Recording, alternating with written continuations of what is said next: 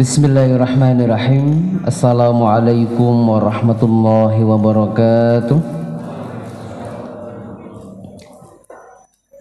Innalhamdulillah Nahmaduhu wa nasta'inuhu wa nasta'gfiruh Wa nastahdi wa natubu ilaih Wa na'udhu billahi min syururi anfusina wa min sayyati a'malina Man yahdihillahu fala mudillalah Wa mudrilhu fala hadiyalah والصلاة والسلام على نبينا وحبيبنا ومولانا محمد صلى الله عليه وسلم وعلى آله وأصحابه ومن اتبع هداه إلى يوم القيامة أما بعد Bapak Ibu sekalian jamaah salat subuh Masjid Utsman bin Affan yang dimuliakan oleh Allah Ta'ala Tidak ada bosan-bosannya malah kita sama-sama menjadikan puja dan syukur kita kepada Allah Ta'ala Yang telah memberikan pada kita nikmatnya pada kesempatan pagi hari ini sehingga kita masih diberikan kesehatan dan keimanan Allah Ta'ala sehingga kita bisa melangkahkan kaki kita untuk menjalankan kewajiban kita sebagai seorang muslim yaitu salat subuh secara berjamaah yang mudah-mudahan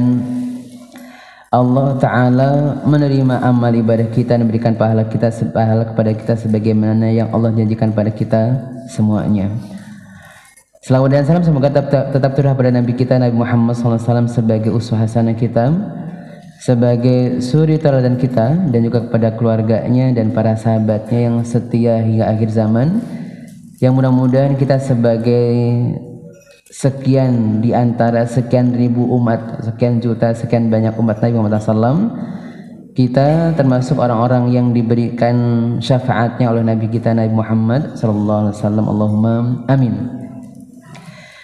Baik uh, Bapak Ibu sekalian dimuliakan oleh Allah Ta'ala pada kesempatan pagi hari ini kita akan bahas tentang fikih tentang kuliner begitu ya. Jadi memang kenapa ini perlu ada fikihnya begitu ya? Karena sesungguhnya memang dalam dunia kuliner itu Allah taala memberikan beberapa kebebasan pada kita untuk berkreasi gitu ya. Jadi memang perkembangan-perkembangan dunia kuliner pada saat ini sangat luar biasa begitu ya. Yang tentunya ini perlu ada payung hukumnya agar kuliner yang kita lakukan ini tidak menyimpang dari larangan-larangan dari Allah Ta'ala. Karena sungguhnya begini ya di dalam masalah-masalah kuliner ini maka sebenarnya adalah bahwa karena Allah Ta'ala salah satu hikmahnya adalah Allah Ta'ala itu ketika menempatkan manusia dalam belahan bumi tertentu maka Allah pun menyediakan makanan-makanan yang sesuai dengan apa tanah tersebut dan kita masih dan badan kita begitu ya. Sehingga bisa jadi makanan-makanan bangsa tertentu tidak cocok untuk kita ya Contoh misalkan ya, kalau di negeri yang sangat dingin gitu ya, mungkin makanannya daging segala macam.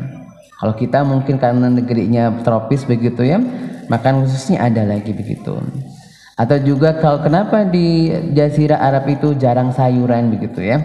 Karena berbeda dengan kita tubuhnya. Jadi tubuhnya berbeda sehingga apa namanya makanannya pun berbeda. Nah, selama itu tidak ada perintahnya, selama tidak ada larangannya, maka kita bisa berkreasi tentang jenis makanan yang akan kita buat nanti. Ya, jadi mau kue segala jenis kue mau enggak gitu ya. Mau makanan segala jenis makanan silahkan begitu ya. Karena mungkin kan ada ya dulu tidak ada daun pisang atau daun apa jadi makanan mungkin ada yang bisa jadi bahan, bahan makanan apalagi kalau misalkan nih ini bukan rasis bukan ya. Kalau beberapa orang suku mungkin Jawa Barat ya Sunda begitu ya itu bisa makan daunan apa saja gitu ya. Yang kadang-kadang orang-orang Jawa nggak bisa buat dimakan tapi oleh orang Sunda bisa dimakan gitu ya. Ya selama tidak diharamkan maka tidak apa-apa sebenarnya. Tapi memang kita butuh tentang e, bagaimana fikihnya begitu ya. Karena apa? Karena tentunya dalam masalah kuliner ini merupakan salah satu ujian dari Allah Ta'ala. Apakah ketika kita berkuliner itu, mengikuti hawa nafsu kita atau tidak. Karena sungguhnya di sini ya ada satu apa namanya konsep besar dalam Islam itu adalah mengapa dalam kuliner itu kita harus yang halal dan menghindari makanan yang diharamkan. Kan sungguhnya tadi bahwa makanan itu juga ujian dari Allah Ta'ala untuk umat manusia. Apakah dalam meraih makanannya itu sesuai dengan perintah Allah Ta'ala atau tidak begitu ya? Karena apa? Mungkin sama-sama kenyangnya, tetapi berbeda ketika dia kenyang dalam menjalankan perintah Allah Ta'ala maka sehat lahir dan batinnya tapi kalau dia kenyang karena melanggar perintah Allah Ta'ala, maka kenyangnya pun bisa jadi menjadikan dia masuk ke dalam neraka jahanam waliyahzubillah. Makanya kita sebagai seorang muslim perlu hati-hati ketika berkuliner di negara-negara yang mereka tidak kenal dengan ajaran agama. Karena kadang-kadang mereka menghalalkan segala macam binatang ya. Ada yang menghalalkan kecoa gitu ya. Dulu pernah ada acara TV ya? Apa acara TV-nya tuh? Yang makan macam-macam. Ada makan kecoa makan apalagi ulat segala macam begitu ya. Atau misalkan ada juga yang negara-negara tertentu yang kemudian dengan alasan untuk obat kuat dan segala macam makan segala macam makanan begitu ya. Nggak peduli hal ataupun haram. Kita sebagai orang muslim memang harus sangat hati-hati dalam makanan itu. Harus memilih yang halal dan menghindari makanan yang diharamkan. Karena apa? Ya. Karena adalah bahwa mengikuti atau kemudian mengikuti tentang hal dan hal itu adalah bagian dari mentaati perintah Allah Ta'ala. Allah berfirman dalam surat Al-Baqarah ayat 172 A'udzu billahi minasyaitonir rajim. Ya ayyuhalladzina amanu kulu min thayyibati ma razaqnakum washkuru lillahi in kuntum iyyahu ta'budun. Wahai orang-orang yang beriman makanlah dari rezeki yang baik yang kami berikan kepadamu. Dan bersyukurlah kepada Allah dan jika jika kamu hanya menyembah kepadanya. Jadi kita itu ketika ingin dianggap sebagai hamba Allah Ta'ala maka kita harus betul-betul memilih makanan apa saja yang akan kita masukkan ke dalam perut kita. Karena apa? karena kalau kita kemudian memilih yang halal dan menghindari yang haram itu bagian dari tugas kita sebagai umat manusia bahwa kita sebagai umat manusia itu adalah ketika sebagai hamba Allah Ta'ala. Kalau kita benar-benar menyembah Allah Ta'ala maka Allah perintahkan pada kita untuk makan dari rezeki yang baik yang Allah berikan kepada kita. Karena mungkin ada rezeki yang tidak baik yang Allah berikan kepada kita. Atau jangan bisa jadi ada yang tergoda dengan yang tidak dihalalkan oleh Allah Ta'ala. Terutama mungkin ya orang yang kemudian senang mencoba kuliner begitu ya. Wisata kuliner ke mana-mana begitu ya. Pokoknya penasaran deh bagaimana sih rasanya daging babi begitu ya ini ketika itu adalah muncul dari seorang muslim berarti ujian dari Allah taala. Apakah rasa penasaran itu kemudian dia dia ikuti atau tidak? Kalau saya penasaran dia ikuti berarti dia telah mengikuti hawa nafsunya. Kalau kemudian dia menentang perintah Allah Ta'ala hanya pengen coba-coba begitu ya. Makanya memang ini kalau kita kemudian apa namanya uh, dalam masalah halal dan haram itu apa namanya Allah memberikan ujian pada kita ketaatan kita ketaatan kita itu adalah dengan yang halal dan yang haram gitu ya. Baik. Kemudian yang kedua ya. Setiap yang halal pasti baik yang setiap yang haram pasti berbahaya Dalam surat Al-A'raf ayat 157 Allah berfirman Ya'muruhum bil ma'ruf wa yanahahum 'anil munkar wa yuhillu lahumut thayyibat wa yuharrimu 'alaihimul khaba'ith. Ini uh, apa namanya? Salah ketik ya. Jadi harusnya disambung itu ya. Rasulullah menyuruh kepada mereka berbuat yang ma'ruf dan mencegah dari yang mungkar dan yang yang menghalalkan segala yang baik bagi mereka dan mengharamkan segala yang buruk bagi mereka.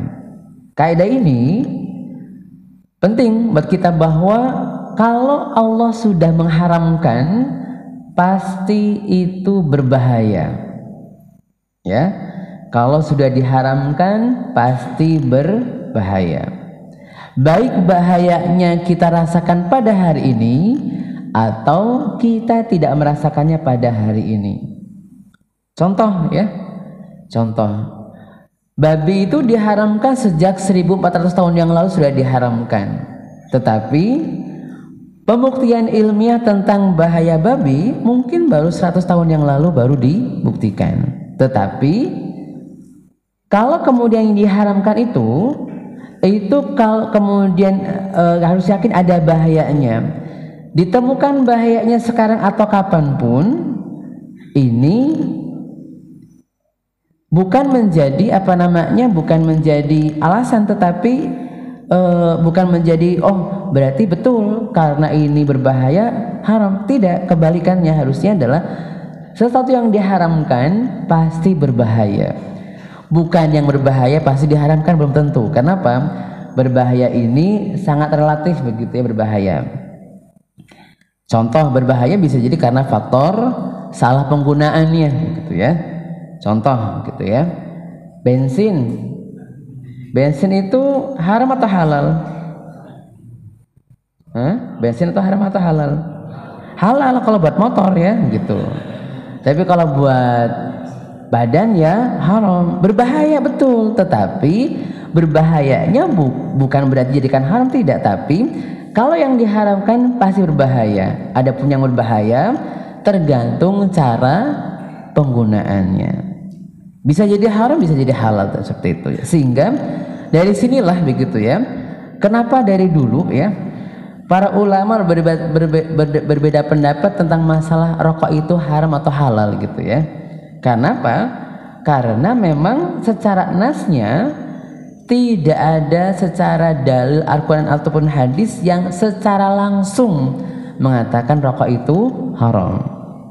Tidak ada secara langsung. Tetapi fakta ilmiah, kemudian para ahli kesehatan ini sudah mengatakan bahayanya. Tapi karena ini tidak ada ayat dan al hadisnya, maka banyak para ulama kita di Indonesia terutama gitu yang yang ya paling sampai tingkatan makruh saja. Kenapa? Haramnya ini bukan haram secara ayat Al-Qur'an jelas, hadis jelas tidak ada. Contoh ya. Oh, katanya berbahaya nih, berbahaya. Rokok itu berbahaya, seperti membunuh diri sendiri begitu ya. Jadi ini salah satu faktor yang kenapa dikatakan rokok itu haram begitu ya. Tapi ternyata Perokok pasif lebih berbahaya. Berarti haram mana tuh kalau dari bahayanya? Haram nggak ngerokok malahan ya. Kenapa? Karena perokok pasif tuh gitu ya. Tapi ya ini debatable lah begitu ya. Artinya memang bagi yang memang tidak merokok ya lebih baik lah tidak pastinya ya itu lebih baik. Karena apa? Bagaimanapun tetap apa namanya e, kalau sudah ada tim medis segala macam yang kemudian mengatakan bahaya maka sebaiknya kita hindari tetapi untuk mengatakan bahwa merokok itu dosa besar, merokok itu bla bla bla masuk neraka jahanam, kemudian tidak boleh jadi imam, itu perlu penelitian karena memang tentunya tadi ya ketika haramnya saja masih diperdebatkan berarti tidak bisa menjadi tolak ukur kesolehan seseorang seperti itu ya. Baik ya. Jadi ini Konsepnya adalah semua yang diharamkan pasti berbahaya. Tapi tidak semua yang berbahaya diharamkan. Bisa jadi berbahaya karena faktor penggunaannya yang keliru begitu ya. Tapi kalau yang diharamkan pasti berbahaya. meskipun bahaya yang kita teliti pada hari ini hilang kalau diharamkan pasti bahaya lain pasti muncul contoh gitu ya ketika babi diharamkan maka sebenarnya kenapa diharamkan? Ya karena ada ayatnya. Ya ayatnya mengatakan babi itu haram. Harimat alaikumul maitatu wadamu walahmul khinzir. Diharamkan bagi kalian bangkai kemudian darah dan daging babi. Adapun bahayanya oh sekarang katanya bahwa dalam daging babi itu ada cacing pitanya besok ketika ada apa namanya ada rekayasa genetika gitu ya yang bisa menjadikan ada babi yang tidak ada cacing pitanya. Apakah jadi halal? Tidak, tetap haram. Karena apa? Ayatnya mengatakan itu haram. Mau babi asli atau babi yang sudah rekayasa genetika, ketika namanya babi tetap haram. Tidak, ya, karena apa? Karena teksnya adalah babi itu haram. Meskipun nanti ada perubahan tadi ya, Bahkan manusia kan masya Allah Allah berikan pada dia apa namanya e, bisa kemudian merekayasa genetika bisa merekayasa. Ya kalau selama itu adalah babi ada campuran babinya meskipun dicampur ada babi rasa sapi misalkan ya kan mungkin ada ya di beberapa media sosial ya babi yang seperti sapi nih badannya ada juga. Dagingnya kayak sapi nggak ada? Cacing pitanya tapi kalau namanya dicampur dengan babi? Ada percampuran babinya maka tetap haram. Meskipun bahayanya mungkin cacing pitanya nggak ada tapi yakin cacing pitanya nggak ada. Kalau sudah dibersihkan cacing pitanya nanti ada bahaya yang muncul lagi yang lainnya. Kenapa? Karena sudah ada teksnya bahwa babi itu diharamkan begitu ya seperti itu. Jadi ini ya kaidahnya begitu ya. Kemudian kaidah berikutnya bahwa ketika orang tergoda untuk memakan yang haram berarti tergoda oleh langkah-langkah syaitan begitu ya. Jadi dalam soal Baqarah 168 dikatakan ya ayyuhalladzin ya ayuhan nasu qulu mimma fil ardi halalan thayyiban wa la tattabi'u khutuwati syaitan innahu lakum aduwwum mubin. Hai sekalian manusia, makanlah yang halal lagi baik dari apa yang terdapat di muka bumi ini dan janganlah kamu mengikuti langkah-langkah setan karena sungguhnya setan itu adalah musuh yang nyata bagimu. Di sini Ketika ada orang yang kemudian mencoba-coba lah ya, mencoba-coba untuk merekayasa genetika dari yang haram menjadi seolah jadi halal, kemudian ya, kemudian berapa namanya mengusahakan nih bagaimana yang halal menjadi yang haram menjadi halal begitu ya, biar halal bagaimana caranya begitu ya. Dengan rekayasa dia, maka dia sedang mengikuti langkah-langkah setan. Setan itu tadi setan itu menggoda kita untuk mempertanyakan kenapa diharamkan. Ya, kita sebagai orang Islam ketika sudah ada ayatnya jelas, sudah ada hadisnya jelas, tidak multi tafsir itu haram, maka sebagai orang Islam kita harus mengucapkan sami'na wa ata'na. Kami dengar dan kami taat. Adapun untuk menambah keimanan kita, maka boleh nih kita kemudian menggali tentang makan ini. Kenapa diharamkannya? Bahayanya apa? Itu boleh. Tapi bukan karena kita nggak yakin baru kemudian eh, kita kemudian mengolah tidak. Kalau kita sebagai orang beriman, yakin dulu kalau sudah ada ayatnya, sudah ada hadisnya secara jelas, maka yakin itu haram sudah. Untuk menambah keimanan kita, maka boleh kita kemudian men, apa namanya menggali informasi seputar makanan tersebut untuk menambah keyakinan tentang hal tersebut. Sebagaimana apa yang dilakukan oleh Nabi kita Nabi Ibrahim alaihissalam. Nabi Ibrahim sangat yakin ya bahwa Allah bisa menghidupkan yang mati. Tetapi Nabi Ibrahim untuk menambah keyakinannya maka minta bukti kepada Allah Ta'ala kan buktinya tadi ya mungkin buktinya dalam surat Al-Baqarah gitu ya bahwa Nabi Ibrahim itu membu, apa nama menyembelih burung kemudian kepalanya ditaruh di gunung A sayap kanan di, di gunung B sayap kiri di gunung C kakinya di gunung D segala macam disebar. Kemudian Allah memperlihatkan kuasanya dan menyatukan semua anggota tubuh dari burung tersebut menghidupkan kembali. Kemudian ketika Allah bertanya, apakah kamu tidak yakin aku adalah pencipta? Kemudian Nabi Ibrahim mengatakan bala, walakin lihat ma'inna qalbi. Aku percaya ya Allah Ta'ala tapi agar hatiku semakin yakin akan kebenaran dari firmanmu. Jadi kita sebagai orang Islam boleh penasaran boleh, tetapi penasarannya tidak boleh untuk menafsirkan yang salah tentang ayat Al-Quran. Penasarannya adalah untuk menambah yakin tentang Islam itu agama yang benar, kemudian ayat Al-Quran pasti benar untuk menambah keyakinan tersebut. Kalau kemudian hasil penelitian kita kok ternyata tidak menemukan bahaya yang diharamkan, berarti ilmu kita belum cukup. Ya, kenapa? Karena tadi bahwa yang diharamkan pasti berbahaya. Kalaupun kita belum bisa menemukan bahayanya, bukan berarti menjadi tidak diharamkan, gitu ya. Karena kalau kita penasaran begitu kemudian ragu tentang keharamannya, maka berarti itu adalah langkah-langkah setan. Juga langkah setan adalah ketika seorang itu ya berobat pengobatan yang halal sembuhnya lama. Ya. Begitu dengan pengobatan yang haram langsung cespleng. Ini kan pokoknya yang haram ya sembuh nih kita kemudian malah menularkan informasinya kepada orang coba ya kalau kamu apa namanya kena penyakit kulit makan tokek gitu ya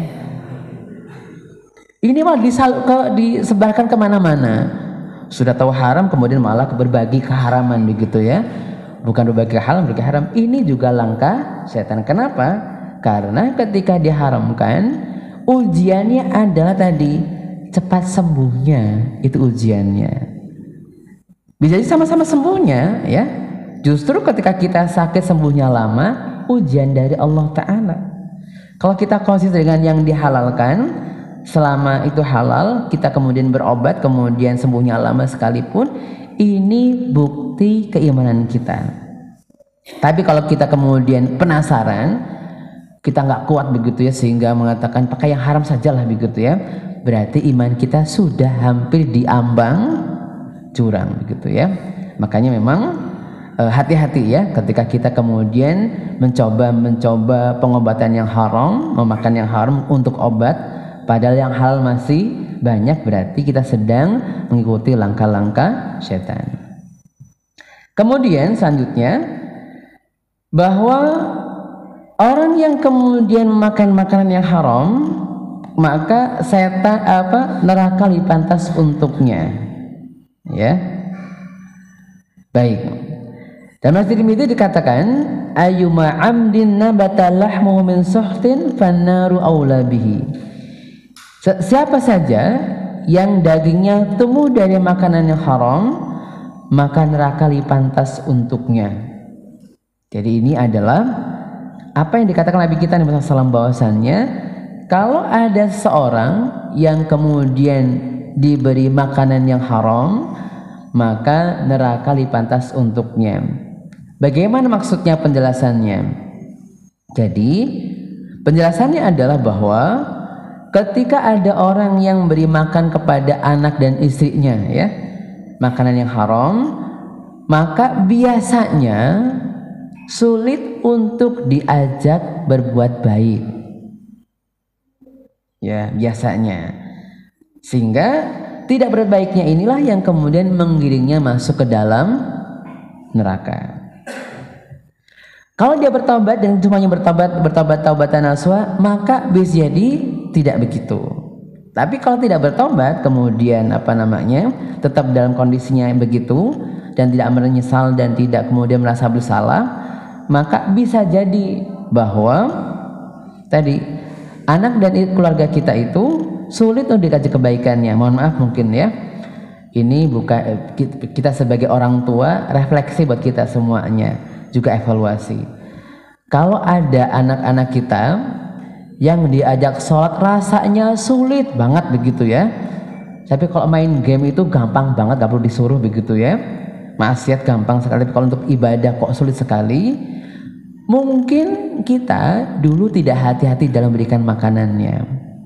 Ada makanan yang kemudian tidak hal yang kita berikan kepada anak-anak kita.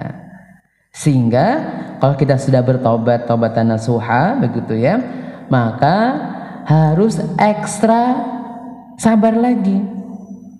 Wong yang makanan hal saja ujiannya kadang-kadang anaknya susah. Kalau ini anak makanannya haram berarti harus lebih sabar lagi. Ya karena bisa jadi tadi ya proses jadi kalau mungkin ya kalau kita mengatakan anak-anak kita itu kan proses sebagai orang dewasa itu kan panjang ya seperti itu. Orang baik lah begitu ya ada yang prosesnya cepat ada. Ada yang diajak kebaikan langsung semangat ada. Tapi ada juga anak yang diajak kebaikan lama sekali baiknya begitu ya. Mungkin tadi ya ada harta yang haram yang kita berikan yang kita tidak tahu. Nah sebagai tadi kalau sudah kita tobat-tobatan nasuha ini ujiannya. Ujian kesabaran kita apa namanya bagaimana kita sabarnya lebih tinggi. Kenapa itu juga karena kita juga dulu maka ketika mendidiknya pun sabar begitu ya seperti itu. Jadi ini kalau kemudian kita kemudian apa namanya uh, punya anak seperti itu karena bisa jadi bahwa makanan yang haram itu menghalangi hidayah seseorang begitu ya. Makanya memang kalau kita punya keluarga, punya anak kemudian sulit diajak kebaikan yang introspeksi diri adalah orang tuanya. Sudahkah memberikan makan halal atau tidak? Kalau dulu mungkin uh, mungkin belangsak mungkin ya ke sana kemari begitu ya. Maka ini sekarang kalau sudah begitu berarti perlu disabari lagi begitu. Kenapa? Ya karena kita juga yang salah begitu ya seperti itu. Baik. Kemudian kaidah umumnya bagaimana kaidah umumnya tentang fikih kuliner ya? Jadi ada kaidah umum yang singkat kaidahnya ya. Kalau tadi kenapa perlu yang halal? Karena tadi manfaatnya dan manfaatnya luar biasa begitu ya. Kalau kita kemudian ingin menikmati buah di surga, maka harus mencari biji dari surga. Kalau kita pengen buah di surga tapi biji yang kita tanam dari neraka, mana mungkin kita akan memetik buah di surga. Ya. Jadi kalau yang biji kita tanam adalah yang haram, mana mungkin akan berbuah yang baik di surga nanti. Makanya ah, hati-hati uh, sekali begitu ya. Baik. Kaidah umumnya, apa kaidah umum ketika dalam kita masalah dalam kuliner itu? Kaidah umumnya seperti apa? Yang pertama kaidahnya adalah bahwa asal dari semua makanan dan minuman adalah boleh dan halal sampai ada dalil yang menyatakan haramnya. Dalam surat Al-Baqarah ayat 29 Allah berfirman, "Huwallazi khalaqalakum ma fil ardi jami'a." Dialah Allah yang menjadikan segala yang ada di bumi untuk kamu. Jadi, hukum asalnya apa yang Allah sediakan di atas bumi ini dari dari eh, benda-benda itu adalah sebenarnya untuk kita. Hal untuk kita. Jadi pada dasarnya semua makanan dan minuman hukum asalnya adalah boleh dan halal, suci dan halal ya. Sampai ada dalil yang menyatakan haramnya. Jadi kalau tidak ada ayatnya, tidak ada hadisnya yang mengharamkan, maka hukum asalnya adalah halal. Contoh, kue bolu ada dalilnya nggak? Nggak ada. Berarti hukum asalnya halal. Kenapa? Tidak ada nas Al-Quran atau hadis yang menyatakan keharaman tidak ada. Gitu ya. Contoh makanan apa saja lah gitu ya. Yang tidak ada pada zaman Nabi gitu ya. Zaman Nabi kan tidak ada kue bolu nggak ada. Ketupat nggak ada. Apalagi itu? Menduan nggak ada. Tidak ada tapi karena memang itu asalnya ada hal maka gampang berarti kalau Nabi tidak mengharamkannya berarti hukum asalnya adalah halal. Tapi nanti kita tapi itu nanti urusannya ya. Tapi itu perlu kajian kalau tapi itu ya. Tapi intinya adalah kita hukum asalnya dulu. Jadi boleh dulu dimakan. Kalau ada adalah mengharamkannya baru itu haram begitu ya seperti itu. Jadi hukum asalnya kayak tape tadi, hukum asalnya halal nih. Oh, ada yang mengatakan haram, haramnya di mananya begitu ya. Baru tanyakan haramnya kenapa begitu ya. Kenapa? Karena memang ada nggak ada dalilnya. Kalau nggak ada dalilnya, kenapa lagi begitu ya seperti itu. Jadi tidak mesti haram dulu, jangan. Maka semua karena inilah karena semua hukumnya adalah halal dan suci, maka manusia boleh berkreasi dengan makanannya. Berinovasi boleh. Kenapa? Hukum asalnya adalah halal. Ya mau makanan variasi apa pun gitu ya. Mau roti mau apa saja gitu ya. Contoh sayur daun pisang boleh enggak kalau bisa dimakan? Boleh aja begitu ya. Nggak apa-apa. Kan bahkan bambu pun bisa di sayur ya tapi bambu yang kecil ya bukan bambu yang besar. Begitu bambu, bambu bung ya bung itu kan bambu kan ya. Kemudian contoh ya lain sebagainya lah gitu ya. Sagu segala macam itu berarti semua yang ada di muka bumi ini hukum asalnya adalah halal. Kalau ada yang mengharamkan maka yang mengharamkan itulah yang butuh dalilnya. Bukan halnya di mana? Bukan haramnya di mana ada nggak dalilnya? Karena apa? Hukum asal makanan itu adalah halal. Yang mengharamkan yang mendatangkan dalil. Bukan yang menghalalkan yang mengatakan tetapi yang mengharamkan yang mengatakan dalilnya gitu ya. Jadi eh, apa namanya? Dari inilah maka makanan yang tidak ada dalil pengharamannya dalam syariat berarti hukumnya halal begitu ya. Seperti itu. Itu kaidah yang pertama. Kaidah yang kedua, ya. Mengharamkan yang halal membutuhkan dalil dari Al-Qur'an dan hadis yang sahih. Ya. Dalam surat Al-Araf 32 Allah berfirman, "Qul man harrama zinatallahi allati akhraja li ibadihi wa thayyibati minar rizq, qul hiya lil ladzina amanu fil hayatid dunya." Khalisatan yaum al khalisatun yaumal qiyamah. Kadzalika nufassilul ayati liqaumin ya'lamun. Katakanlah wahai Muhammad siapakah yang mengharamkan perhiasan dari Allah yang telah disediakan untuk hamba-hambanya dari rezeki yang baik-baik? Katakanlah semua itu untuk orang-orang yang beriman dalam dalam kehidupan dunia dan khusus untuk mereka saja pada hari kiamat. Demikianlah kami menjelaskan ayat itu untuk orang-orang yang mengetahui uh, untuk orang-orang yang mengetahui Quran surat Al-Araf ayat 32. Di sini Allah menjelaskan bahwa Nabi mempertanyakan tentang orang yang dengan mudah mengharamkan yang halal tanpa adanya dalil. Kenapa? Tadi semua sebenarnya ada sudah dihalalkan. Kalau ada orang yang kemudian dengan mudah mengharamkan sesuatu, maka ini hati-hati karena orang Yahudi terbiasa cerewet dengan yang dihalalkan sampai kemudian Allah mengharamkan gara-gara orang ini cerewet sekali. Makanya memang sebagai orang beriman begitu ya kita orang Islam. Jadi tadi kalau dalam masalah ibadah itu adalah harus ada dalilnya dulu kalau kita mau mengerjakan. Kalau kita mengerjakan ibadah itu dalilnya mana? Ya, tapi kalau masalah makanan dan minuman maka yang perlu dalil adalah yang mengharamkannya, bukan yang menghalalkannya. Mana dalil pengharamannya? Kenapa? Mengharamkan yang halal sama dengan menghalalkan yang haram. Ya. sudah pasti dalilnya haram dihalalkan ya sama dosanya dengan mengharamkan yang sudah dihalalkan makanya kalau kita mengharamkan sesuatu ini tidak boleh hanya katanya-katanya. Sekarang banyak ya di dunia internet begitu ya. Contoh mohon maaf sekali ya. Ada produk A, B, dan C. Katanya haram.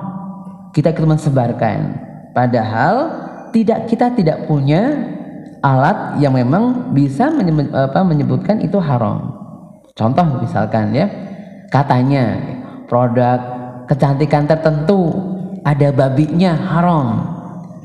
Ini kalau kemudian kita percaya 100% bisa jadi yang menyebarkan adalah produsen yang lain tuh. Saingan, saingan produsen sehingga bikin begitu.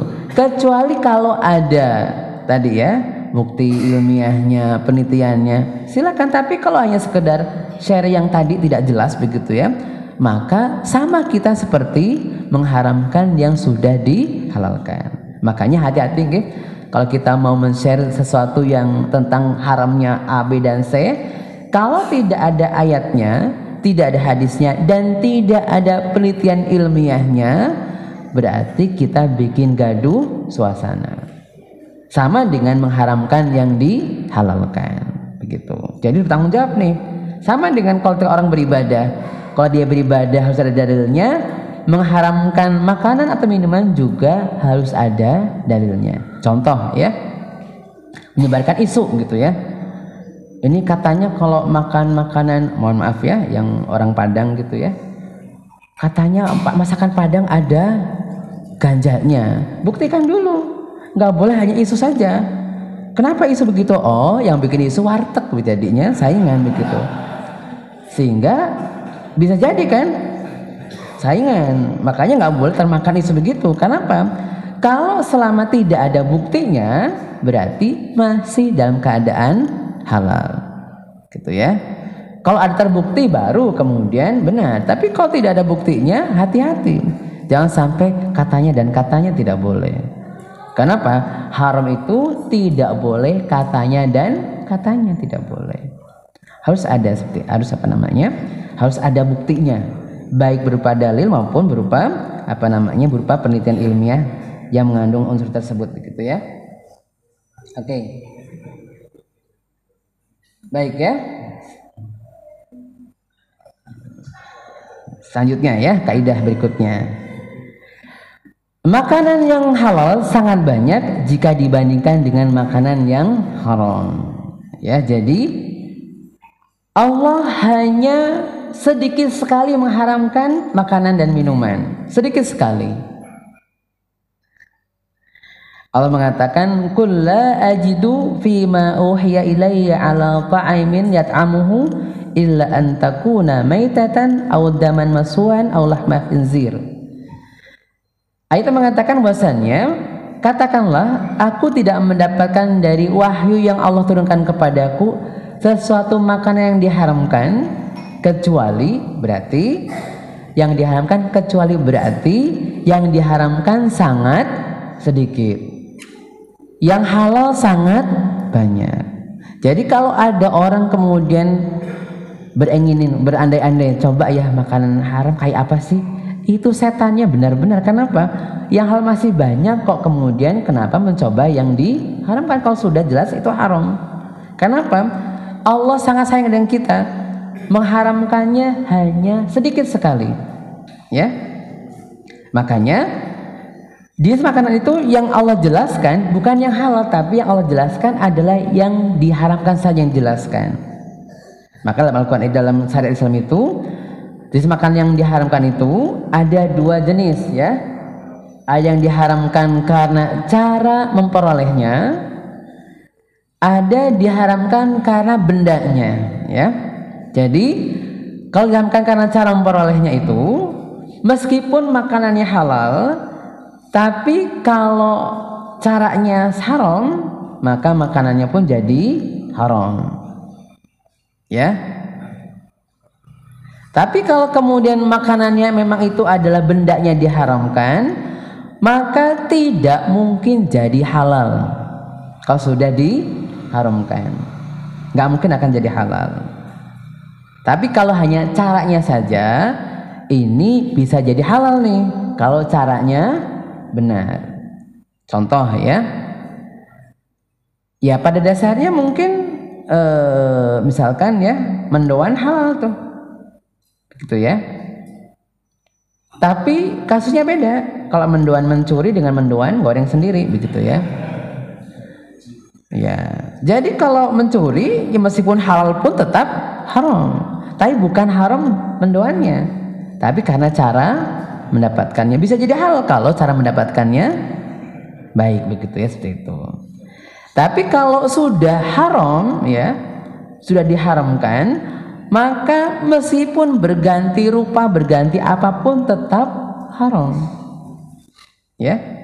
Contoh tadi babi meskipun babi itu mungkin ya mohon maaf sekali ya kita itu kan kadang-kadang babi dan anjing kan haram ya seperti itu. Tapi kadang-kadang orang-orang kafir itu mentampilkannya dengan yang lucu. Sehingga kesannya aku macam haram begini ya gitu ya. Contoh ya anjing tuh anjing dengan kambing gitu ya kira-kira bersihan mana anjing-anjing pudel ya yang hidup di ke salon mungkin sebulan sekali gitu ya. Pakai baju apalagi. Tampilannya apa? Menarik sekali. Masa ini najis? Masih ini haram? Kambing nggak ada yang pernah mandi kambingnya gitu ya. Pura-pura ada salon kambing nggak ada tuh. Tapi kenapa jadi begitu? Jadi ini ada sebenarnya apa namanya? Bentuk tadi ya bentuk konsul fikri perang pemikiran jadi yang diharamkan dikesankan cantik dan bersih. Yang haram kesannya dekil. Ayam sama kambing kan dekil ya seperti itu. Bisa jadi juga sama tuh ya.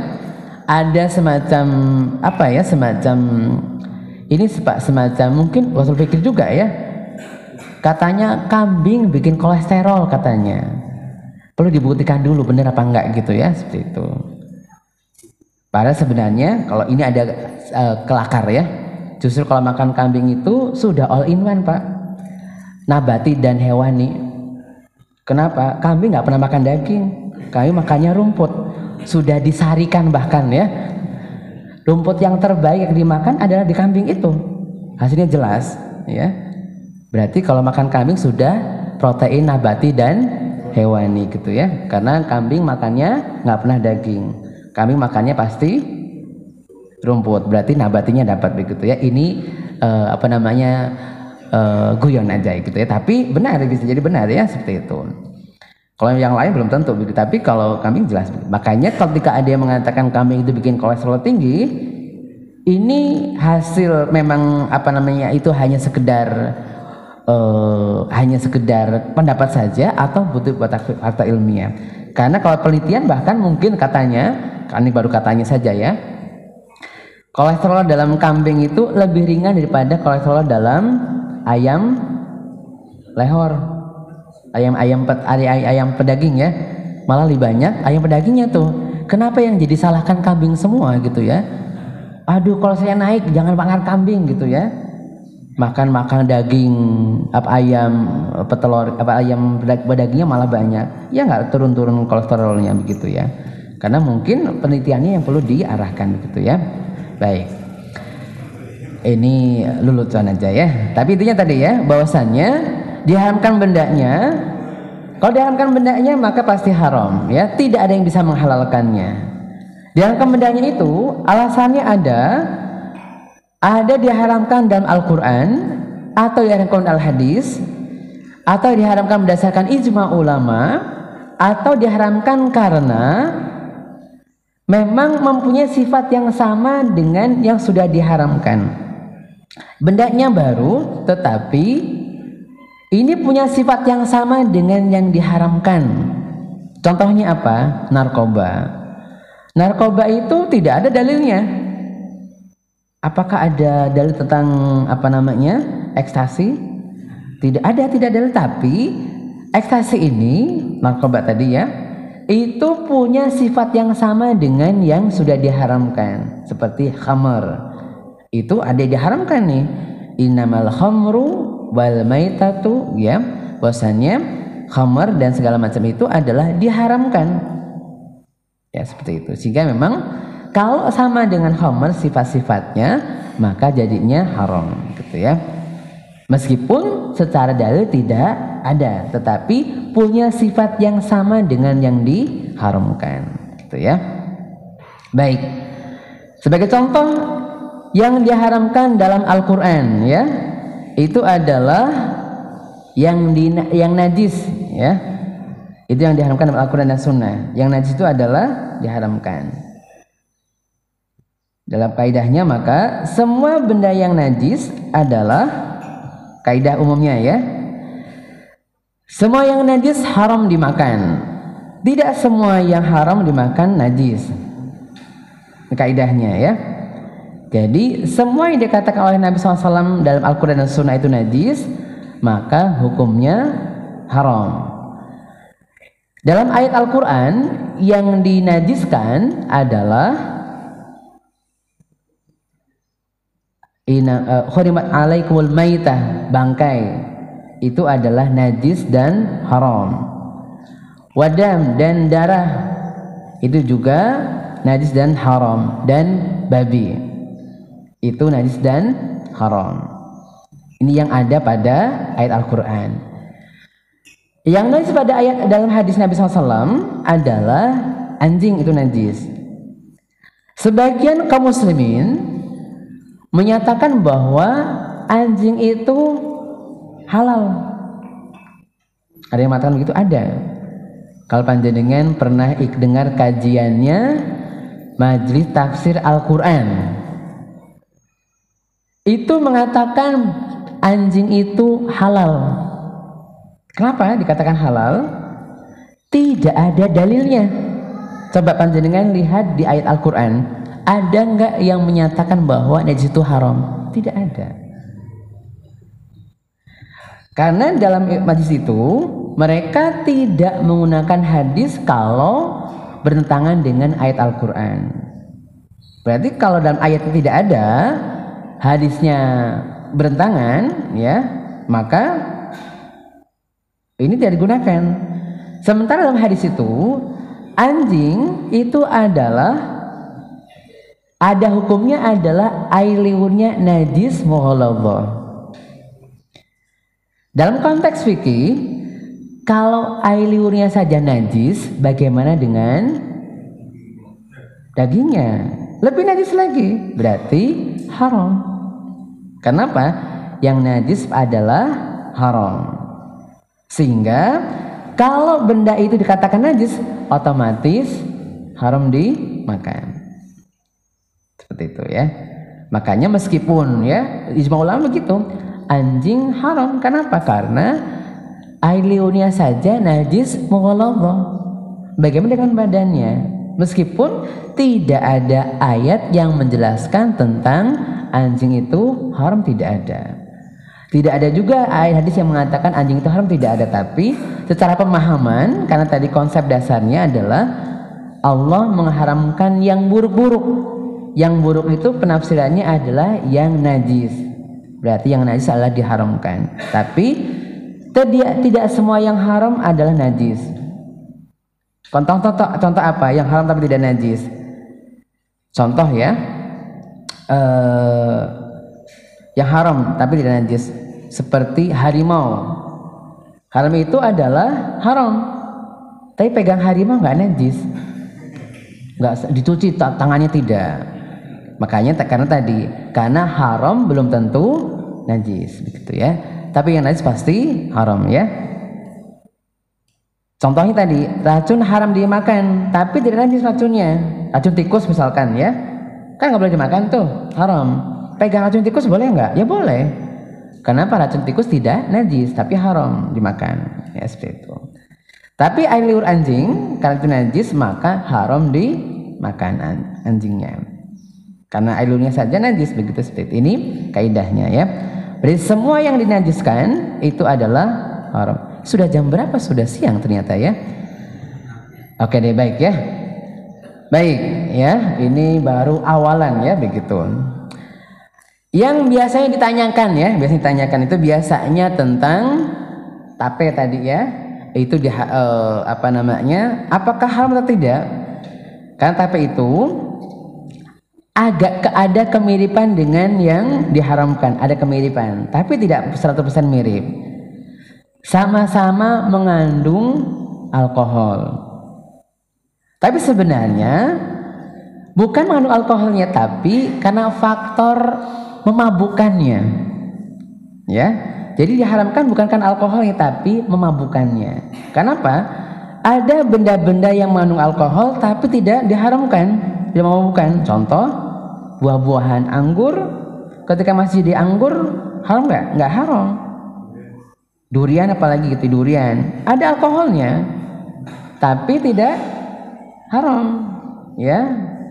Kalau Ustaz kalau kebanyakan mabuk ya kebanyakan semana-mana mabuk begitu ya.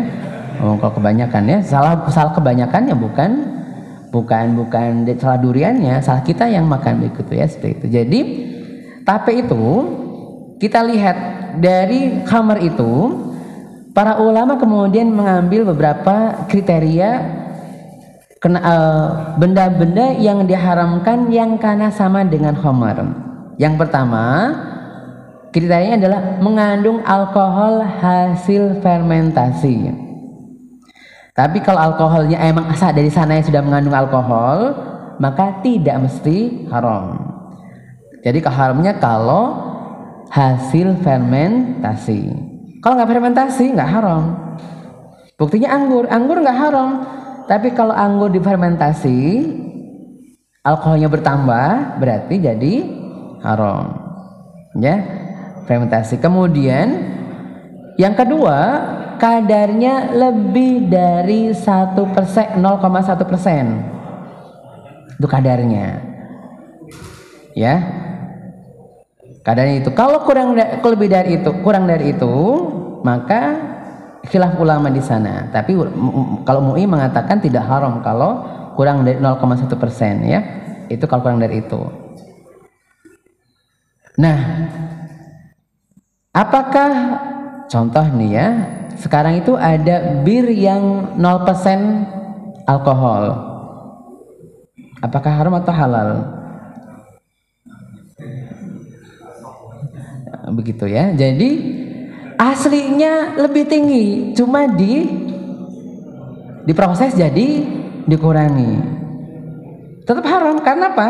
Aslinya lebih tinggi dari 0,1 persen. Cuma ada obatnya biar dikurang aslinya haram.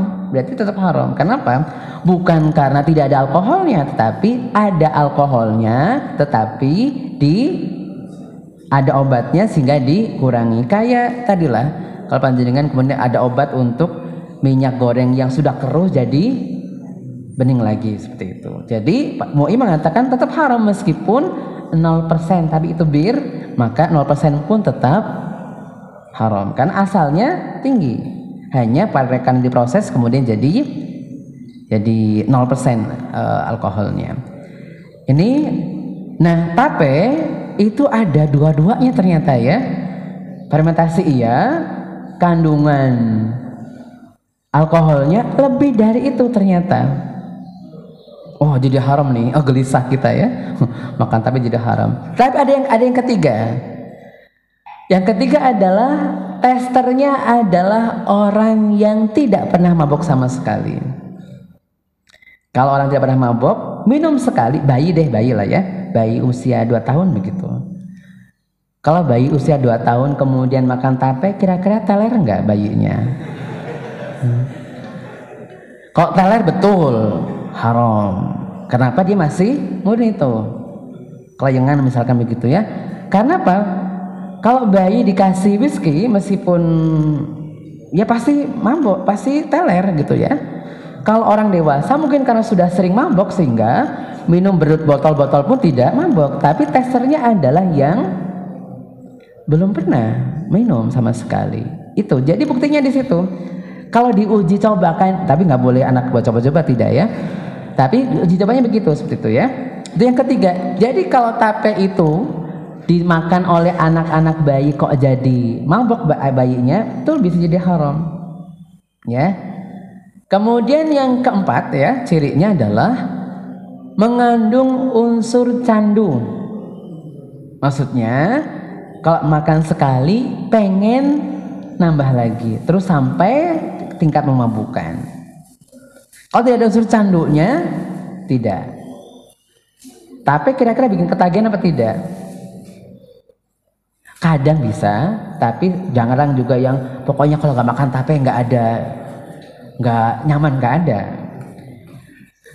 Kalau rokok agak ada situ ya kalau rokok ada begitu ya rokok ada karena orang nggak rokok itu rasanya pahit begitu ya berarti ada efek candunya berarti ada unsur diharamkannya ada ada unsurnya bukan haram tapi ada unsurnya ya seperti itu yang kelima ciri-cirinya adalah Orang biasa menggunakan itu untuk mabuk. Meskipun minumnya tidak mabuk, tapi mabuk juga dengan cara yang sama.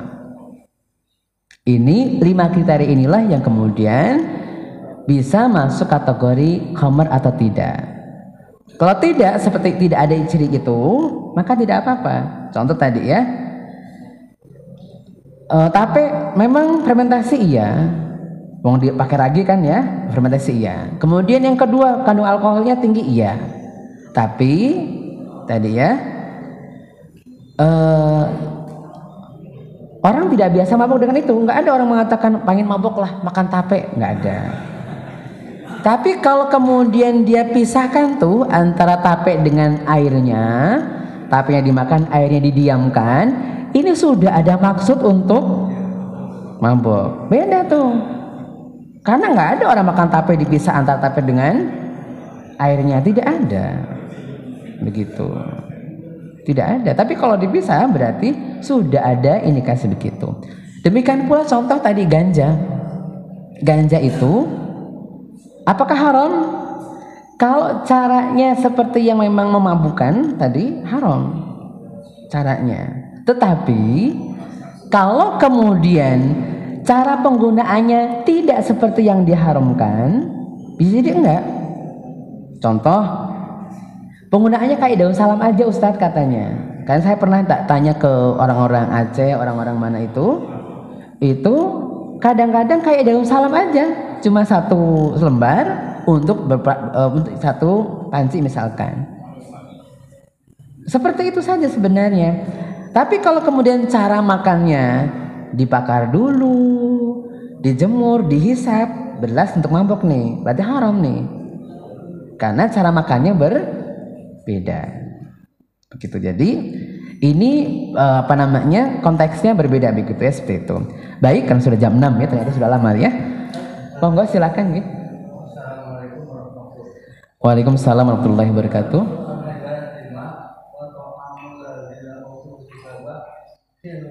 Ya itu kita. Iya. Kita Natal. Iya. Iya. Iya. Halal apa tidak begitu nggih? Kemudian yang berikutnya adalah apakah yang diterima di lain agama Iya. ibadah Mm -hmm. yang haram yang sebenarnya saja atau bukan juga punya nasinya Oke, baik ya. Jadi dalam ayat itu kan wa ta'amul ladzina utul kitaba hilun lakum dan makanan yang diberikan oleh ahli kitab itu ada hal bagi kalian. Di sini baik sembelihan apa bukan sembelihan hukumnya hukum asalnya adalah halal. Kenapa? Nabi SAW pernah makan daging yang dihadiahkan oleh seorang perempuan Yahudi. Ya, pernah makan itu. Berarti Nabi pernah memakannya. Berarti sembelihannya adalah halal. Tetapi para ulama kemudian dalam madhab syafi'iyah berhati-hati sekali. Apakah orang Kristen di Indonesia itu termasuk ahli kitab atau bukan? Karena ahli kitab itu adalah orang yang turun Taurat dan Injil kepada mereka yaitu bangsa Yahudi dan Nasrani. Yahudi memang memang turunan bangsa Yahudi lah begitu ya Alkitab itu keturunannya dari Bani Israel Itu yang memang disepakati mereka termasuk ahli kitab. Dalam mazhab Syafi'iyah mengatakan bahwa orang di Indonesia bukan mereka bukan ahli kitab, mereka dimurtadkan. Karena mereka itu tidak turun kepada mereka ayat dan Taurat tidak turun kepada mereka. Makanya orang-orang dari Bani Israel lah yang mereka dikatakan sebagai Bani sebagai ahli kitab. Ini menurut pendapat mazhab Syafi'iyah. Tapi dalam jumhur ulama tidak begitu. Jumhur ulama mengatakan bahwa ahli kitab itu bukan karena darahnya, tapi karena agamanya. Berarti Yahudi Nasrani adalah ahli kitab. Artinya apa? Jadi sembilan mereka orang kalau kita dapat apalah syukuran mereka kan mungkin mungkin ya kenalan rumah tetangga baru ya ngirim apa namanya ngirim uh, opor misalkan ngipi ngirim ayam goreng misalkan begitu ini jumhur ulama mengatakan boleh dimakan seperti itu boleh dimakan gitu ya kalau memang itu tidak sebagai persembahan kepada Tuhan mereka. Adapun kalau kemudian dalam acara upacara agama mereka ini sebaiknya tidak dimakan. Lebih baik kenapa? Karena Allah mengatakan wama uhilla bihi dan satu yang disembelih atau yang dijadikan persembahan untuk selain Allah taala. Itu tidak boleh dimakan. Maka ini khawatirnya bahwa kalau merayakan Natal dan sejenisnya itu kan ini tentang agama mereka begitu ya. Sehingga sebisa mungkin kalau bisa, kalau memang sebaiknya tidak dimakan. Tapi kalau acara biasa, hanya syukuran biasa gitu bagi mereka syukuran ya atau hanya hari biasa nih nggak dikasih ya nggak apa-apa tapi minimal tidak dalam acara perayaan mereka. Karena ini bisa masuk kategori wa ma uhilla bihi yang sesuatu yang dijadikan persembahan kepada selain Allah taala. Demikian pula meskipun yang menyembelih adalah orang Islam sekalipun begitu ya kalau untuk persembahan tidak boleh dimakan. Meskipun bukan bukan daging ya seperti uh, sayuran, tapi kalau untuk kemudian dipersembahkan tidak boleh dimakan. Meskipun yang mengadakan orang Islam. Contoh sedekah laut. Sedekah laut itu kira-kira sedekah atau sesaji? Sesaji yang dihaluskan namanya ya, gitu ya. Kenapa? Kira-kira kalau sedekah nyiror kidulnya marah apa tidak dianggap fakir miskin? Kan uh, sedekah bagi fakir miskin ya?